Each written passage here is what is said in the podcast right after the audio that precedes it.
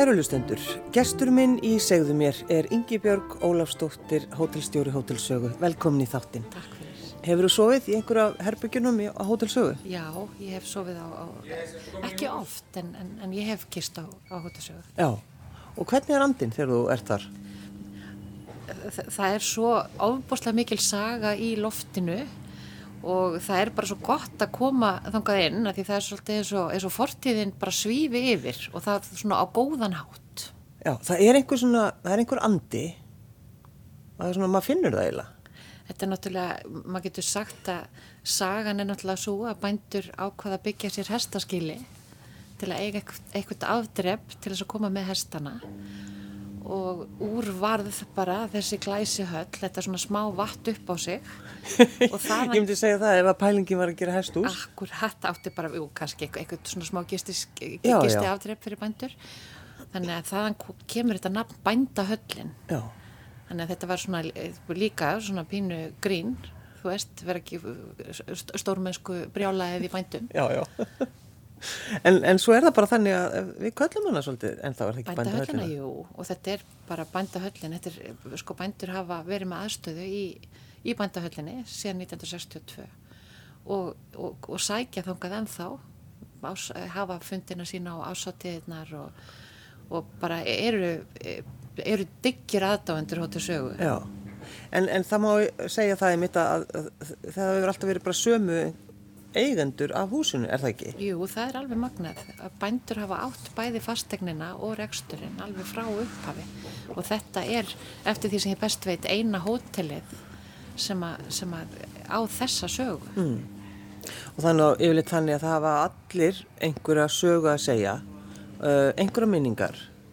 Þínar ná aðeins lengra heldur en... Uh, flestra, flestra.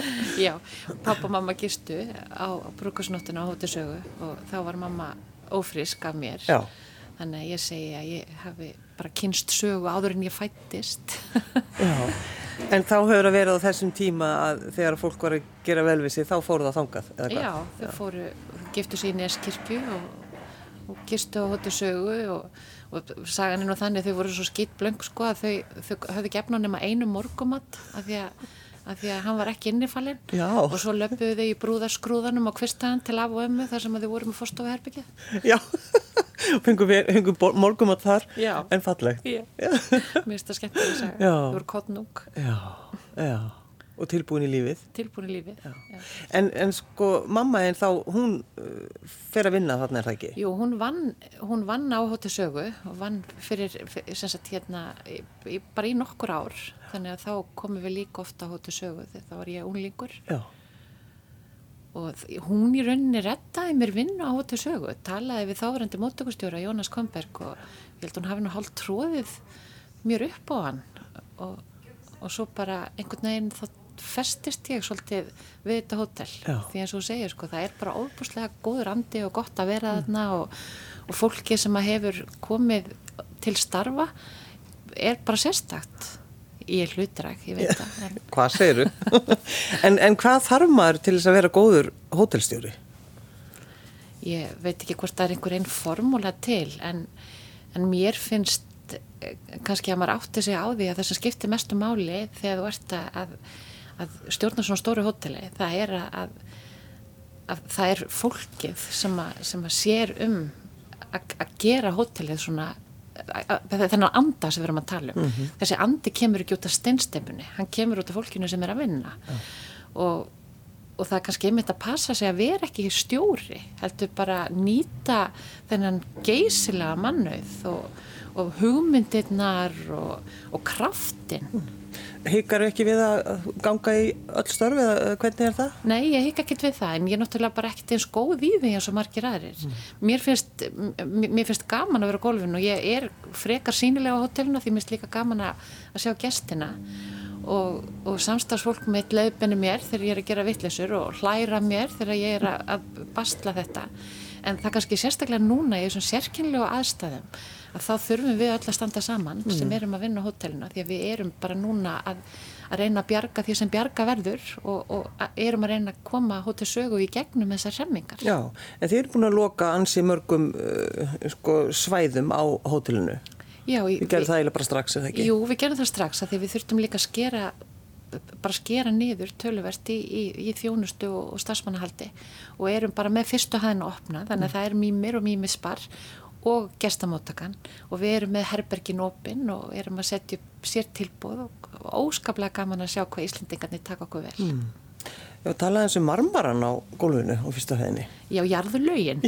Já, tölum að sem jarðurlaugin á hótelsögu. Já, það er, það, þessi andi, hann, sko, það er, það það ímislegt upprunalegt á hotellinu, meðal annars gólfið, og það er marmarinn sem var settur 1962 og svo hefur svona smá verið bætt á hann, þetta er svona svolítið mósæk, þannig að það er líka gaman að ganga í gegnum húsið og, og sjá hvar, hvar byrjaði þetta og hverju er svo skeitt við og, og, og svo þetta nýjasta Já. og ég held að það hafi verið vitulegt að gera þetta svona því þetta er náttúrulega efni sem endist endalust og það er miklu skemmtilegur að hafa þetta svolítið stagabætt heldur en að vera alltaf að breytum efni. Já, eins og við gerum svolítið, við erum oft svona móka út og gera, gera nýtt við Íslendingar, nú svolítið dúlið því. Já, við erum og við, við náttúrulega fórum líka sko aðeins lengra núna í endurbótunum að hann Haldur arkitekt húsins, hann hannaði svo ofubúslega falleg og þægileg húsgögn þannig að við letum smíða þau aftur og gerðum það hérna hjá GA húsgögnum Já, akkurat. og, að því það var líka ofubúslega mikið atrið hjá okkur að styðja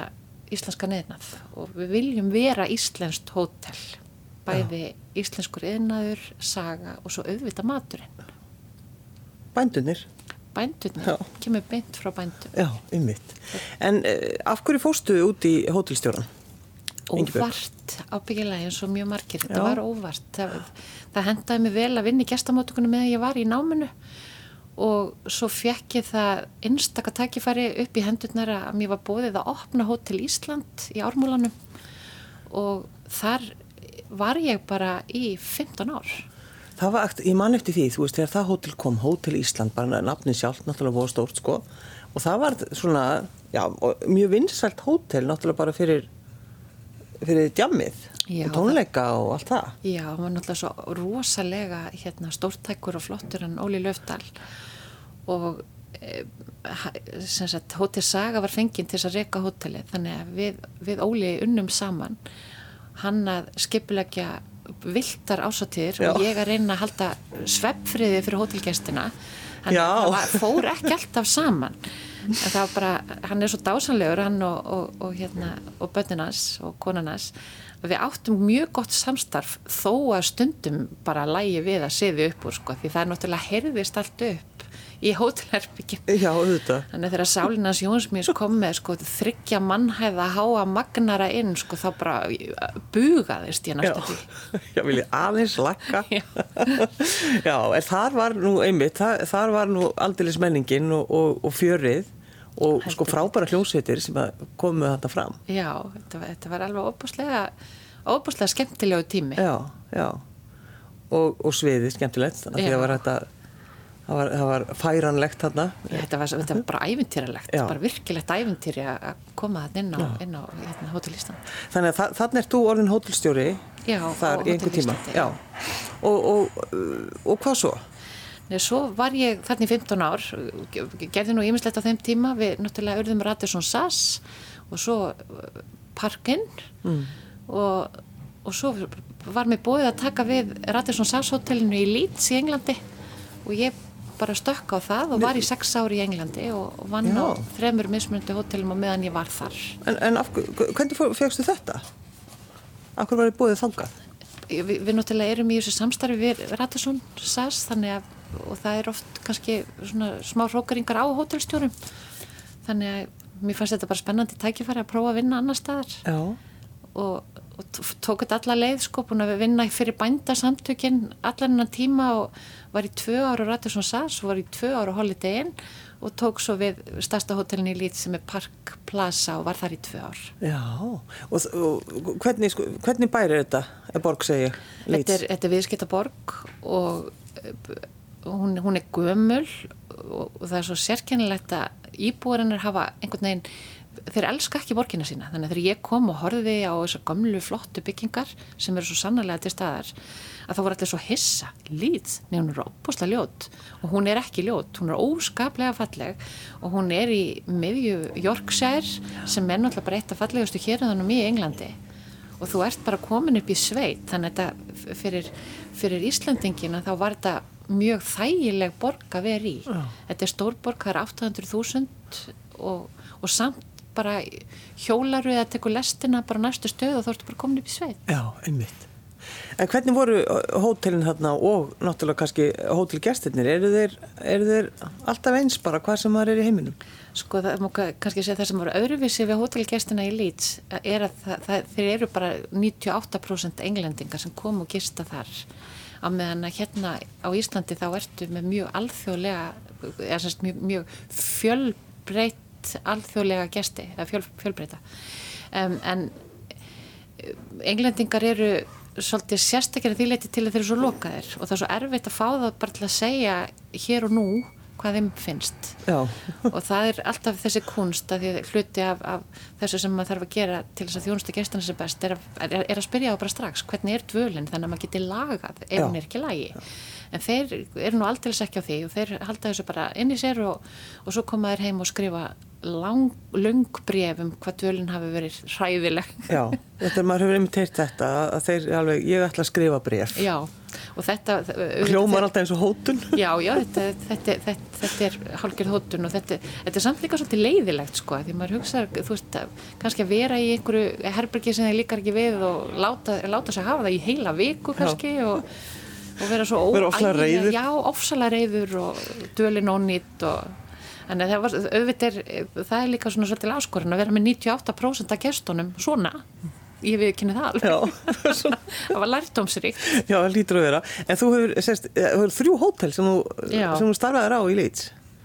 Þetta er, sko þó þetta sé stórborg þá er hún samt lítil og svolítið eins og hér að þú, þú, þú, þú myndar þér svona, hvað ég segja, þitt tengslanett og, og það, ég held að það hafi bara þótt forvitnilegt í fyrsta lagi þá, þá voru ekki marga konur hótustjórar í lýts á þeim tíma.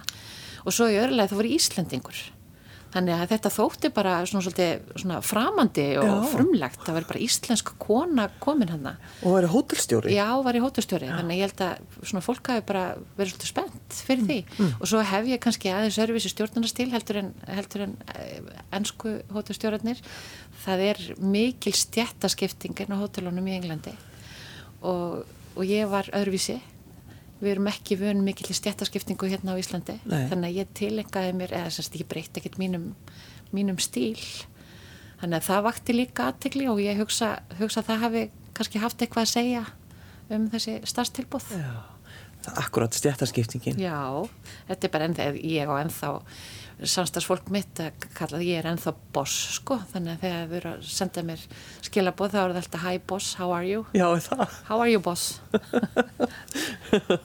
Þannig að fólk hefur kannski þarna í Leeds orðið svolítið hissa á því allt í einu að, að, að það væri, þú værir ekki að bara líta niður á þitt, þitt samstarfsfólk. Já, ég held ég hafa nú alveg slegið í gegn hann á hótelinu með tvö, þá var húsverðurinn veikur og það var stípla klósett og, og það var bara enginn sem gæti bara gert neitt í því og ég var eitthvað hiss á því þannig ég rauk upp með gummihanska og drullusokk og, og græjaði bara málið.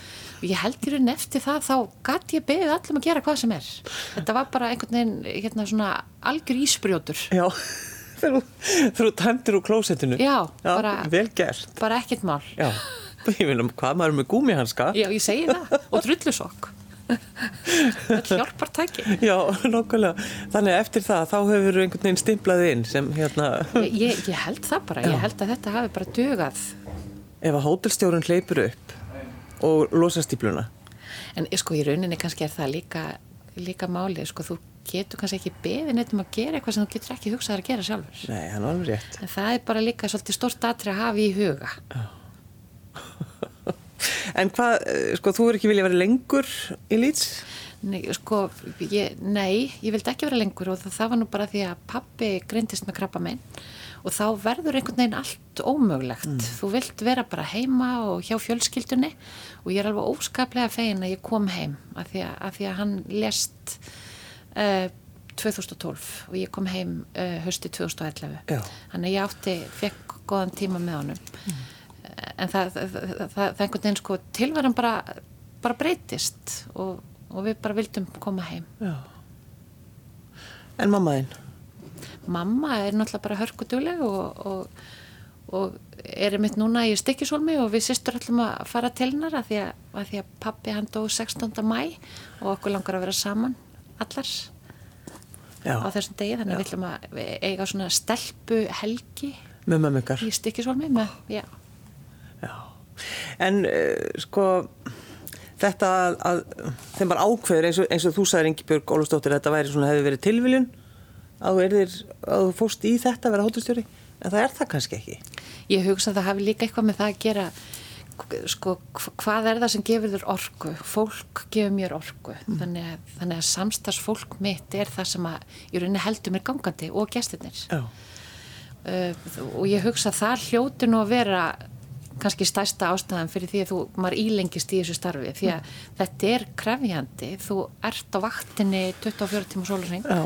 þannig að þú, sko, ef að síminn ringir þá er rauninni það fyrsta sem maður hugsa sko, það er eitthvað í vinninni Já. þú veist að það, það er alltaf fyrsta hugsun Hvað þá með engalífið, Ingibjörg? Nei, ég er óbúslega velgift ég á eignaðist börn frekar ung og, og þau eru uppkominn og, og, og bara ég hef ég, ég er þessi einmitt mamma sem segir sko hérna quality over quantity en ég hef bara fengið náttúrulega alveg óbúslega mikið frelsi til þess að til þess að gera það sem, að, það sem ég vil og stuðning frá, frá öllum í fjölskyldinu Já. alltaf Já. Sko, lítur á þetta sem svona einhvers konar bara lífstíl að vera, þú veist, þetta er eins og þú segir, þú ert alltaf einhvern veginn í vinnunni. Sko, ég held að þegar, ma þegar maður er svona ofbúslega heppin eins og ég er nú- núna að, og er, hef verið að, að vinna með svona einstöku fólki af því það er bara staðrind að fólki sem er að vinna með mér á hóttu sögu núna það er, sko, það er algjörlega einstakt og í þessum aðstæðum núna þá sína þau svo ofbúslega hvað í þeim býr Já. Uh, og ég tekið sem dæmi á föstu daginn að því við erum að reyna að búa til peninga til þess að halda okkur gangandi. Og föstu daginn þá skelltum við upp grilli og þarna gekk bara hver í hvaða starf sem var og það var engin að láta það eftir sér að vinna sko baki brotnu bara frá mótni til kvölds að láta þetta ganga. Og þetta, þetta nánast sprakk í höndunum á okkur að því þetta var svo vinsælt og það komi margir og það var gott vefur og ofbóðslega indislega stemming. Og það er vegna þess að fólki bara hljóp og hljóp og hljóp og hljóp og hljóp og þau gerðu allt. Og ég var með þeim og reynda að hlaupa en ég náttúrulega get ekki hlaupið eins rætt og ég er ekki eins, eins klára þau þau, náttúrulega, þau vinna margfalt á við mig sko. En þurftir að segja mörgum upp, Ingibjörg? Já, ég þurfti að segja ég er, ég er núna búin að segja öllum upp á hótelinu. Ég byrjaði fyrsta april á að segja öllum upp sem voru með mánuðið að minna í uppsagnir frest og það var mjög sárt uh, og svo hinnir fóru þá á, á hérna á 25% svo sagði ég restinni upp núna fyrsta mæ Já. Og, og mér líka uh, vegna þess að við vitum ekki hvað peningurinn endist þannig að það var óábyrgt að gera það ekki Þannig að þú er búin að segja þér Öllum. upp. Já, ég er búin að segja mér upp líka og við ætlum að nota þess að þrjá mánuði sem sýnir kannski líka hvað stafsfólkið er, er hérna vel innrætt eða fallega innrætt við ætlum að nota þess að þrjá mánuði til þess að búa til eitthvað business case Já, þannig að við getum haldið okkur gangandi þangað til að, að hlutinni fara að ganga betur Mm. og ég viðkynni það alveg þetta voru goða fréttir í gæra að, að það, var, það væri verið að opna landamærin hérna 15. júni því það er fyrr en að við þorðum að vona þannig að það er svona vonar glæta Já, akkurat. Þannig að það er svona, þú bróstir aðeins eftir fundir í Já, gerð. ég gerði það og Já. svona sá því það er í þessu ástandi þá við vitum vel að það er ekki öll fyrirtæki sem eiga til að komast í gegnum þetta og ég held að allir stjórnendur og eigendur séu auðvitað bara að synda björgunasund að bjarga sínu fyrirtæki og, og finna rauk fyrir því akkur mitt fyrirtæki á að komast í gegnum þetta og mér finnst þetta hútið saga ég að komast í gegnum þetta út á sögu, menningu og, og allt þetta sem hún hefur upp á að bjóða Já. en það hugsa allir það Já, já, já, auðvitað. Þetta er náttúrulega bara, þetta er eins og við erum búin að segja endalaust, þetta eru bara fordamalausir tímar. Bara, það er bara þannig. það er bara þannig en sko, 58 ára gamalt hótel, já. Það er svolítið gamalt. það er bara algjörlega magnað og það, eru svo margir sem að koma frá þessu hóteli eh, margir sem er að vinna annar staðar sem stýra öðrum hótelum og, og, og reka veitingastæði sko út um allan bæ Já. að þeir koma frá hótelsögu og, og það er líka svo gaman að starfsmenn eiga svo goða minningar þeim þykir svo vænt um vinnustæðin sinn og það er ekkit endilega sjálfgefið þannig að þessi andi sem vorum að tala um áðan hann er bara raunverulega góður. Ég var eitthvað að reyna að skýra út fyrir þér Ingibjörg sko að það væri einhver sérstök lykt í húsinu já, sem að er bara búin að vera alltaf ég, maður, maður er að reyna ég er að reyna að skýra þetta út sko en það er kannski bara, maður er kannski að lýsa andanum það geti kannski verið það, já, það já, er eitthvað. ég hugsa það. En þú nefndir marmargólfi, það geti verið já, getur verið marmargólfi, það er náttúrulega frá 1962 akkurat, frábært ár. En talandi sko um andana er í eigu bændasamtakana og, og við, við vorum í verkföllum í, í fyrra í mars og þá voru og það, það var ásatið hjá kúabændum og það var svo magnað sko að þau- kom öll og það var bara virkilega erfitt ástand og þau bara hjálpuðu til, settu sjálf á rúmin sín og, og hefðu bara gerna vilja ganga í öll störf með mér. Þannig að það er líka það er svo óbúslega mikil saminning meðal eigenda. Þannig að eins og ég segi, ég mun gera allt sem að í mínu valdi stendur til þess að að reyna að bjarga hótelinu þeirra. tölum við þessum uh, listaverkin Ingibjörg í, á hótelsögu og þá kannski fyrst bara að fara á efstu hæðinu þetta og, og það sem er í loftinu Já, og það er svo gaman að þau skuli hafa fengið að halda sér allt þetta gamla dásamlega. Eh, Þau eru hannuð af leikmyndasmið sem að hétt Lótar Grund mm. og hann, hann hannaði allt, sko ég held sem að Halldór, hann var með svona mitt marmara og svona reyna línur og space og svo fekk hann lótarabíla til þess að gera svona pínu hlýleika, já, svona aðeins, já, aðeins setja myndir og, og listaverk. veistu hvað, af hverju hann valdi þennan þýska listamann? Nei, ég veit það ekki. Hann var ábyggilega svolítið, svolítið merkilegur á, á þessum tíma. Hann hannaði þjóðlíkuskjallarann og, og hannaði mjög marga leikmyndir bæði fyrir, fyrir, fyrir þjóðlíkusu og, og leikfélag Íslands. Já, já, já. Og, og þau listaverk eru til og eru gemt á hóti sögu, sem stalla frummyndirnar. Og við, Alla tekni, te, eða, Já. Sest, já, og við eigum líka frummyndirnar öllu sem hann gerði fyrir hóti sögu. Við keftum, keftum það af, af afkomendunum. Þannig þetta er svo magnað safn og við ætluðum að setja upp síningu á verkunum hans. Svona áður en að, eins og, eins og sem ég segja, þessi flensu djöfull kom. En hann, hann gerði líka fyrsta bæklingin á hóttusögu. Við eigum tvö eintök sem eru svo óbáslega verðmætt. Og það er svo gaman að sjá á þessum vasslita bækling hvað, hvað þetta varð nánast alveg eins í, í raunveruleikanum af því að þetta var málað áður en að hótelið opnaði.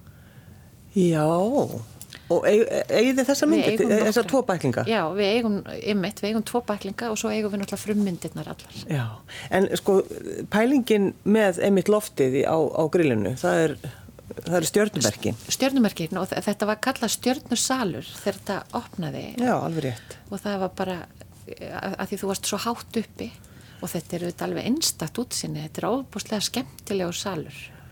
Og, og, og, og verður gaman, ég ætla nú bara að segja verður gaman að, að hérna endur að end, koma um aftur, aftur á laginnar af því þetta er eitt fallegasta rýmið í, ég, ég leið mér að segja á landinu. Já, já og eitthvað svona skemmtilegt, skemmtilegt við einmitt að hafa stjörnumerkin. Já, og líka það eru, það, það eru súlur upp í grillinu sko, sem eru gerða þannig að það, það, eru göt á súlunum þannig að lýsingin í gegni er eins og stjörnur. Já. þannig að þetta, þetta, var allt, þetta var allt gert svona út frá ákveðinu þema.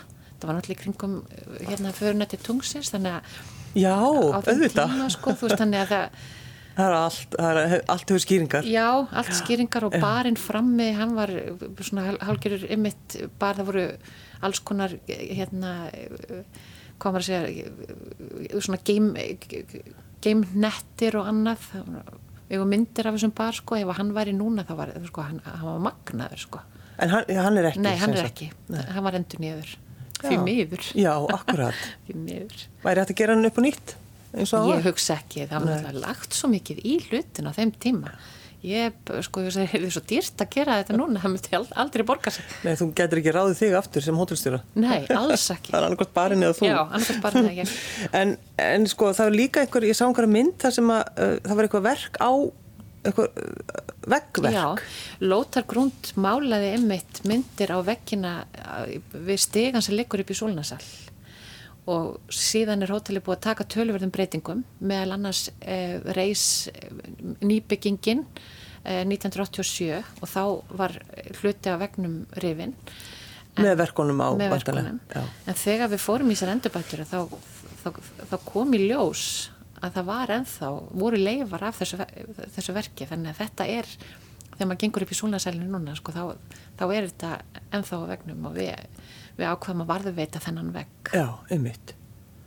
Er ekki alltaf, þú veist, einhvern veginn að varðveita söguna? Þetta er náttúrulega, verður við ekki að gera þetta? Jú, það skiptir alveg opaslega miklu máli og ég held að, og það er svo gaman að það skuli þó vera þetta mikið eftir frá upprunanum. Í súlnasalnum að þá er ennþá barinn sem var hannaður þangað inn, þannig að þó við höfum breytt súlnasalnum, að þá ákvaðum að farga ekki þessum bar og ég, fyrirverandi starfsmenn sem komu eftir breytingar, ég held að þetta hafi verið það sem þeir höfðu mestar áhyggjur af, Já. að farga barnum Já. og, og, og Er hann einhvern, er hann í, hann er bara þegar þú kemur upp stegum Já. sko, þá er hann bynd á móti Já, og hann er líka í þessum svona svolítið brassstíl og, og svona þú ert í lótargrundstílnum að því lótargrund hannaði hann hann hannaði barinn? Já.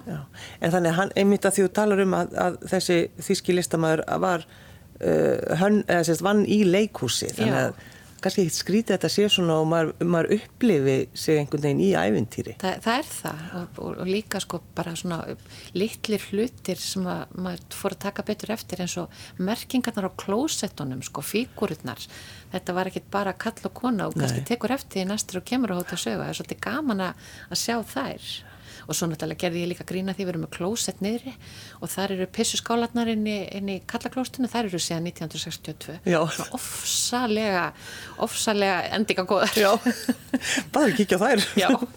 Þannig að það eru svona alls konar hluti sem, sem þið hald- haldið í og eins og þú segir, Ingeborg, að það, það var sko, það var vandað svo til verka. Já, það var, og, það, það þess vegna stendur svo margt ennþá.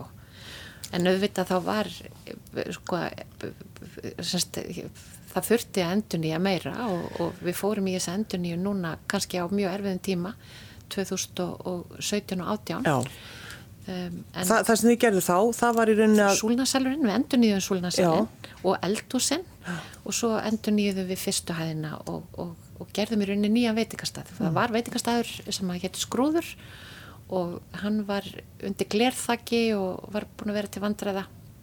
Þannig að við, við opnuðum mými sem er bara alveg sérlega velukkaður. og það er út af, uh, að því að uh, hann hétt Mímir, er það ekki barinn í gamla daga það? Mýmiðspar. Mýmisbar. Já, og það, það var ymmit alveg opaslega erfitt að finna nafn á veitingastæðin.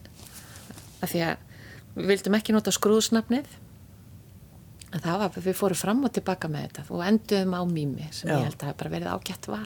Ég meina það var margir, marg, margir sögur af Mímisbar. Já. Algjörlega. Já. Já, já.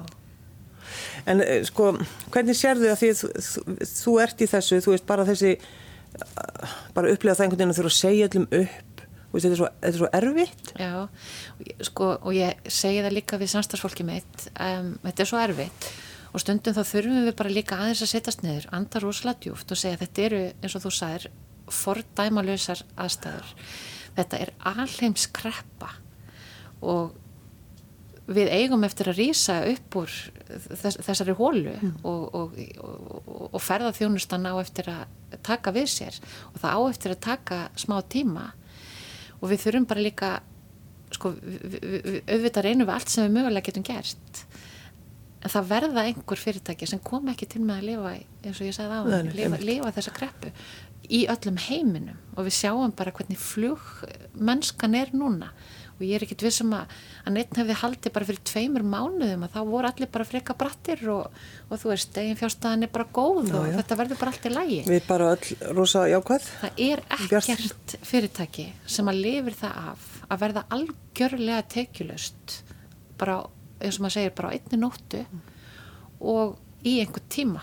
Það bara, að því það er bara í rauninni peningaflæði út Já. og ekkert inn. Og hvernig, hvað, þarf það borga öllum svona ykkar byrgjum? Hvernig gengur það? Getið þið borga byrgjunum ykkar? Nei, Ég er mjög skuldug og, og hérna við byrgjana því miður og, og, og við erum að, að reyna að staðgriða það sem við kaupum um, þeir eru ótrúlegir sko þeir bara hafa staðið með okkur en, en ég, þetta er bara erfitt ástand og þetta hefur hefur þetta allt áhrif þegar við eh, getum ekki borga reikningan okkar og vil hættum að panta ákveðna vörur þá hefur þetta áhrif mm. ef að æslandir fer á hausinn þá verður sko mjög, hef, mun það hafa mjög mikil áhrif út í samfélagi Já, já. Þetta, þetta er allt bara eins og domino mm. Hvernig er það, uh, hvað gerur þú þegar þú ert í fríi? Verður þú þá bara að fara langt í burtu frá hótelsögu? Ég, ég, ég ferist ekki solminn hús, hús, hús mömmu og pappa um, en mér, mér finnst það ofbúslega gott bara að labba úti mér finnst gott að fara í fjallgöngur og, og, og það er það sem að reynsar, hugan hjá mér Uh, og svo finnst mér óbærslega gaman að vera í fjörum og ég er náttúrulega gert grína mér að því að mér finnst svo gaman að týna steina í fjörum Já. er svona Hvart áttu finnst mikið af þeim? Já, ég setja alltaf út í garð ég ég, er að keppa við Petru steinasamnið Já, og hvernig gengur það? Það gengur illa, ég, hún hefur alltaf vinningin. Jú, jú. En, en svona, það, það er bara úti vera, það er bara vera úti og, og bara ganga mikið, fyrsti hálftími fyrir náttúrulega alltaf að hugsa um alls konar og svo bara allt í hennu þá áttum að segja á því hvar maður er einhver stórið í náttúrunni og, og allt hreinsast mm. og, og þetta, er, þetta er allavega það besta sem að ég geri. Já fyrir minn haus og, og þegar ég er stressuð þá prjóna ég alveg óbúslega mikið. Já, að já. það ger ég á kvöldin sko til að til að hérna fá útrás. En, en sko þannig að þú ert meðvitið um það þú, þú þart að reynsa hugan og þú bara gerir það þetta er kannski, mað, maður þarf að læra að tæma hugan, þetta er ekki, það er ekki auðveld Nei, ekki núna.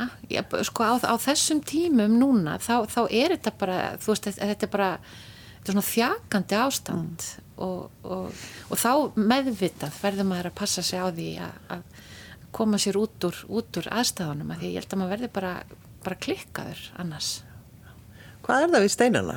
Er þetta alltaf að hvað, sér alltaf eitthvað eitthvað form eða hvað er þetta? Ég veit ekki, þetta er sko og svo, svo getur það verið mísjönd sko, hvers konar form eða hvers konar líti ég er að týna. Og ég hugsa þetta alltaf þegar ég beigja mig niður, akkur beigja mig til þessum steini en ekki öðrum, ég hugsa þetta alltaf. Já, hefur alltaf verið svona? Já, ég held ég á alltaf verið svona, ég held ég að fengi þetta, sko pappa og mamma voru líka svona svolítið svona fjöru fjöru fólk og, og bara útivista fólk. Þannig ég held að, já ég held, held að ég bara fengið þetta svona svolítið bara í blóðið. Já, já, þetta er nefnilega þetta er svolítið gaman að pæli þessu. Af því það eru margir sem bara geta ekki lappa fram hjá steinum á þess að set, taka þá. Nei, nei, og amma mín í, í föðurætt var líka svona allstað steinar í kringum hana. Já, þetta er skemmtilegt. Já.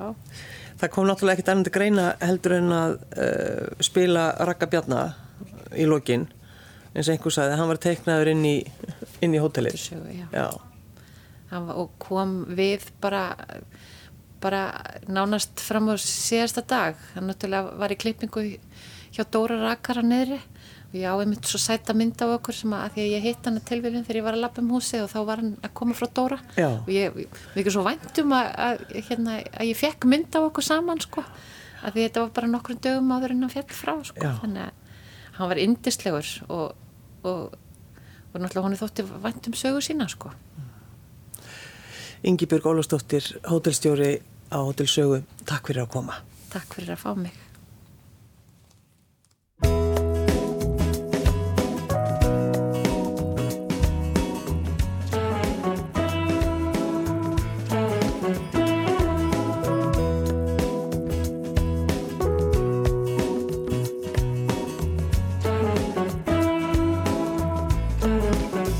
Láttu deginn síga Þótt þúnt virðist myrkrið því með opnum huga Þá fljótlega byrtir með gleðina í hjarta.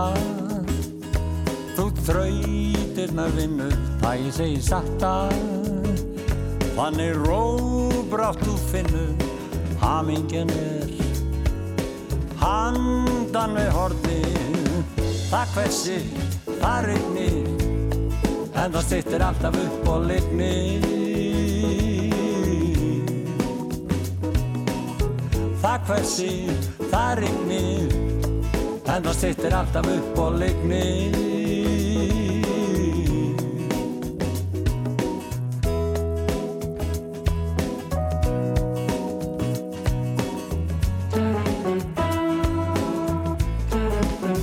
Taktu höfuðu frá bringu og horfðu fram á veginn. Lægi með mér syngdu. Saman lýsum upp daginn með jákvæðni á vopni. Þú djöflana kveður og þannig kemst á toppinn. Þar sem áfram þú dvelur, hamingjan er. Handan við horni, það hversi, það rignir. En það stýttir alltaf upp og lignir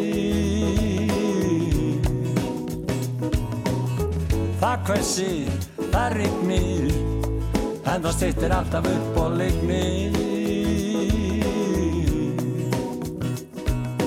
Þú veist að vel, jafnvel og ég að brós getur dimm í dagsljós breyt Ég minna má þá starrend á að brosið það kostar ekki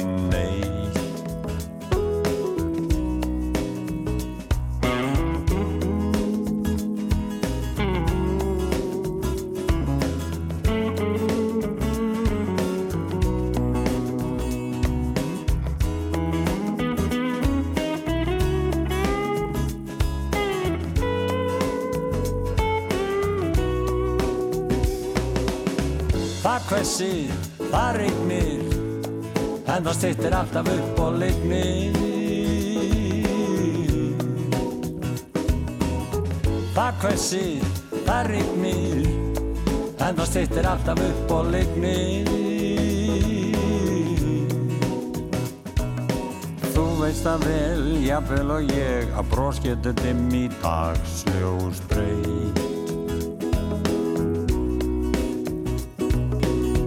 minna má þá starrend á að brosið það kostar ekki neitt. Það hversir, það rignir, en það stýttir alltaf upp og lignir.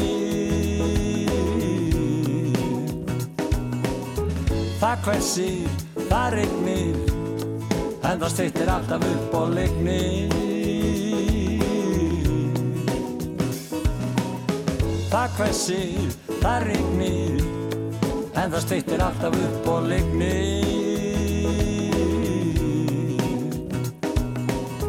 Það hversir, það rignir En það stýttir alltaf upp og lignir